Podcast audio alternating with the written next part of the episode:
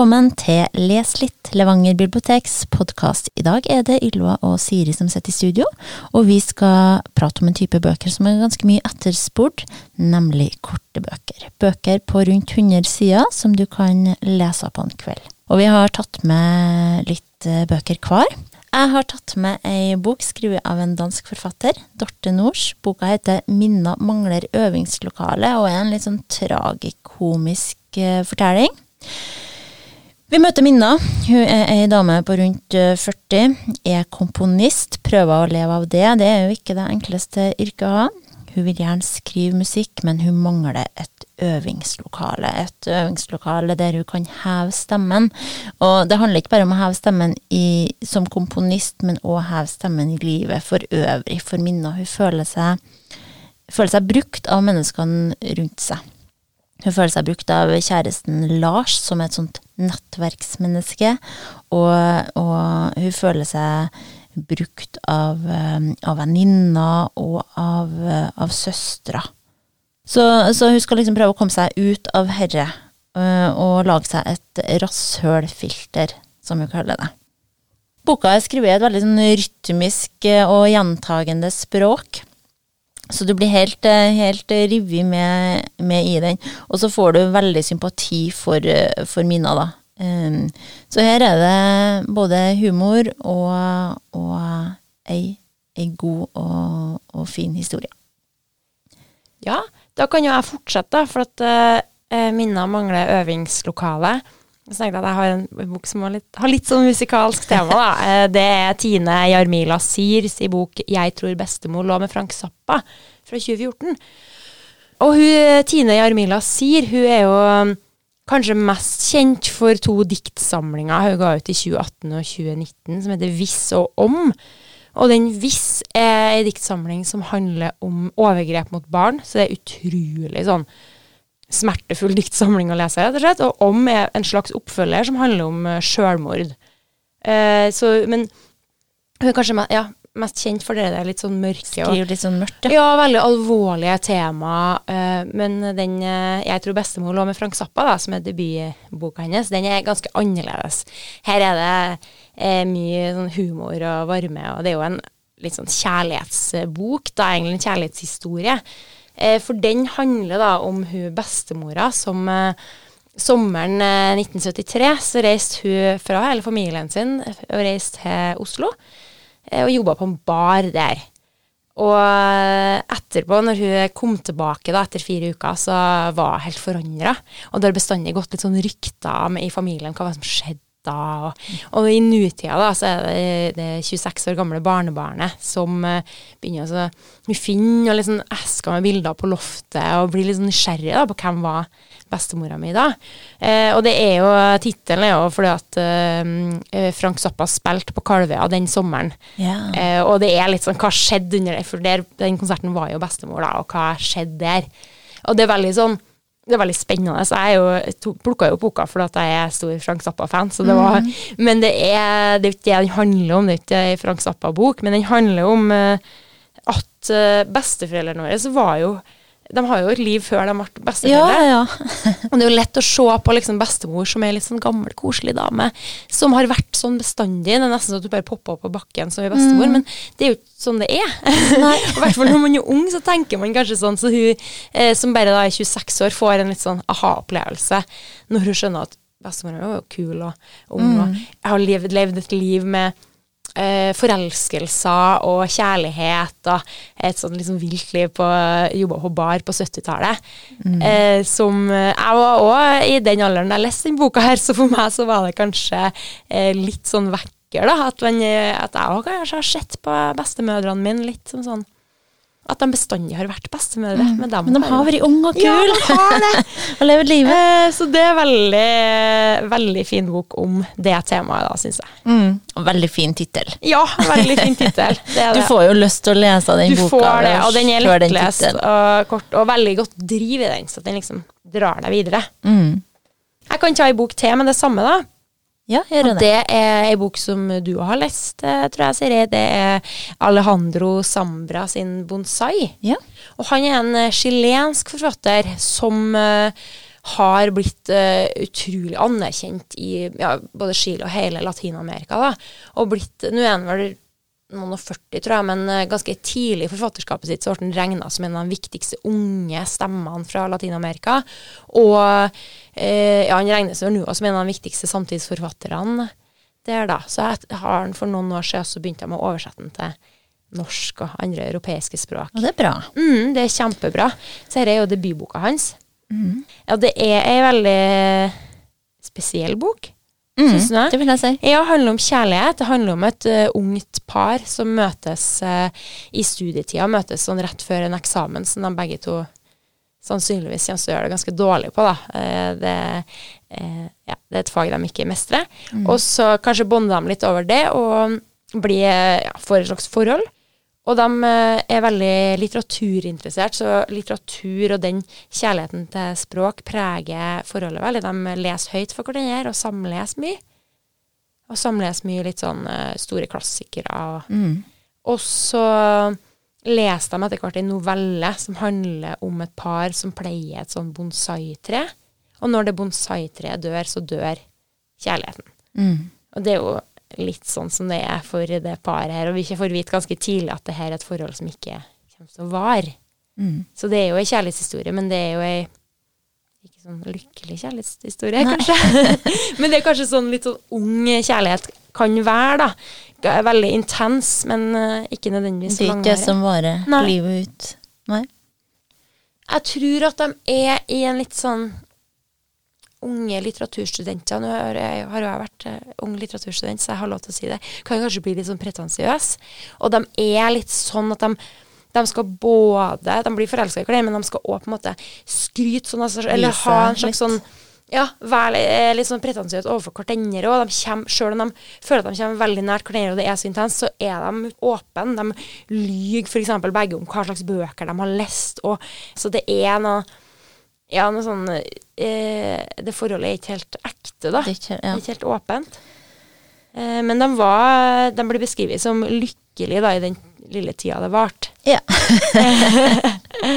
men det er eh, ja, absolutt en lesverdig lita bok, da. Ja. Det Bør sjekke ut uh, han. Mm.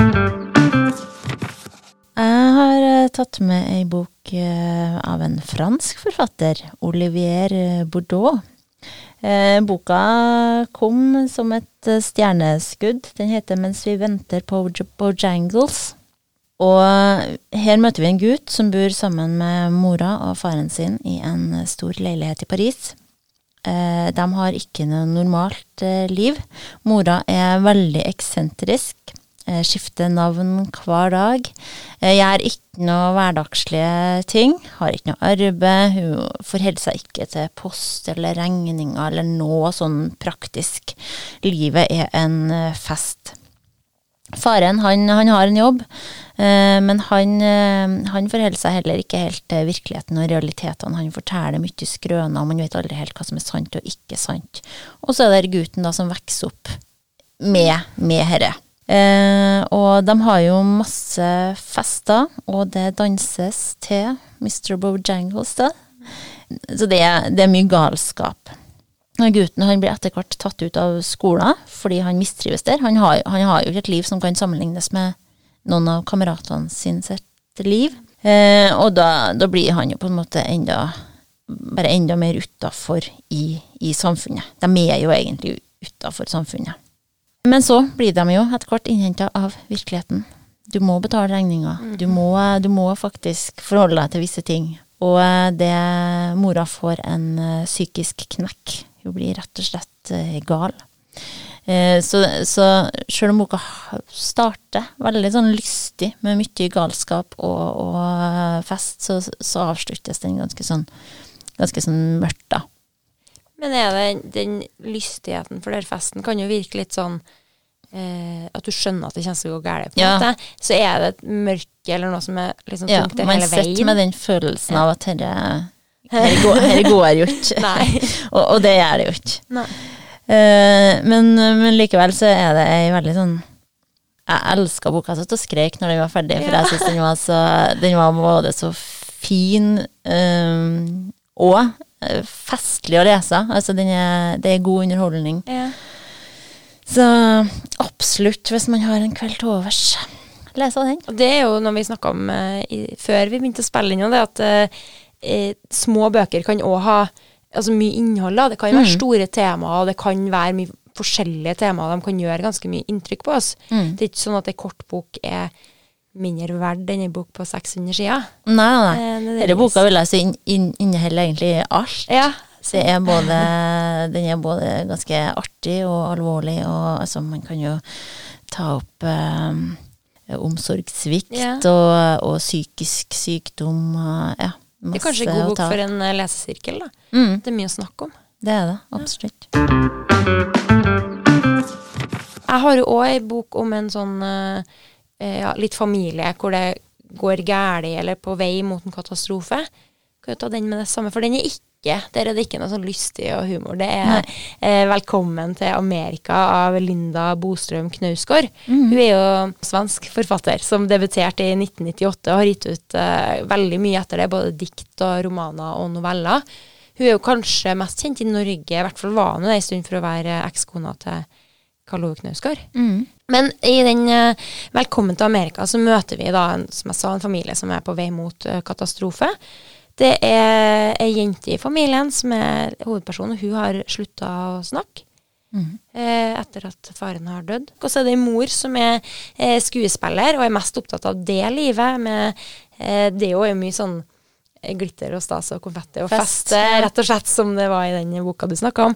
Eh, og hun eh, har på en måte ikke tid til disse barna, og det er en bror da som eh, spiker igjen soveromsdøra si og blir inn der da og tisser på flaska og eh, Ja, driver med sitt. Så det er Ganske trasig. ganske trasig. Altså, det er en mørk, mørk bok.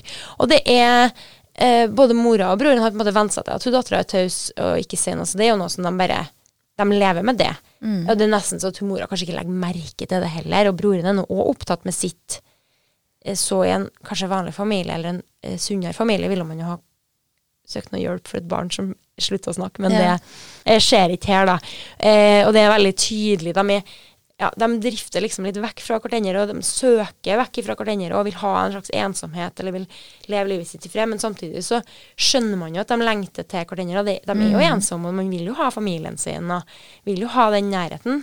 Og hun vet jo er veldig opptatt av broren sin. Hun, Hun er det. jo liksom det er jo litt sånn det å være kontakt med han. lillesøster òg, at man blir litt opptatt av uh, storesøskenet sitt. Mm. Uh, og så er det jo òg en eh, far da, som er død, og hun jenta er overbevist om at det er hennes skyld.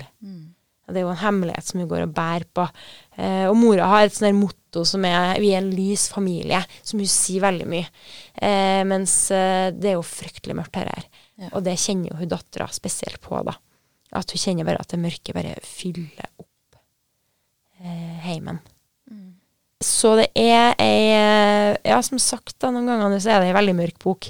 Eh, det er jo liksom trasig. Du kjenner litt på kroppen at det er Ja. ja, et sånt mørke. Ja, litt sånn fysisk eh, Du blir litt sånn urolig etter Ja. jeg har lest den. Blir det, og samtidig så er det jo denne kjærligheten. Altså det er jo en familie som er veldig, veldig glad i hverandre. Mm. Eh, så det er ja, den motstand, eller den eh, konflikten da mellom det her ekstreme mørket som bare sluker alt, og den her kjærligheten, og det der som mora sier, at vi er en lys familie, og prøver også Mm. få inn noe lys der, da.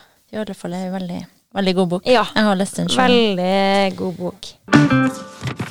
Jeg har tatt med ei bok av en kjent norsk forfatter, Jostein Gaarder. Han kom med ei bok i 2018 som heter Akkurat passe. Her møter vi eh, hovedpersonen Albert, en 56 år gammel lærer, som nettopp har eh, fått en eh, fæl beskjed.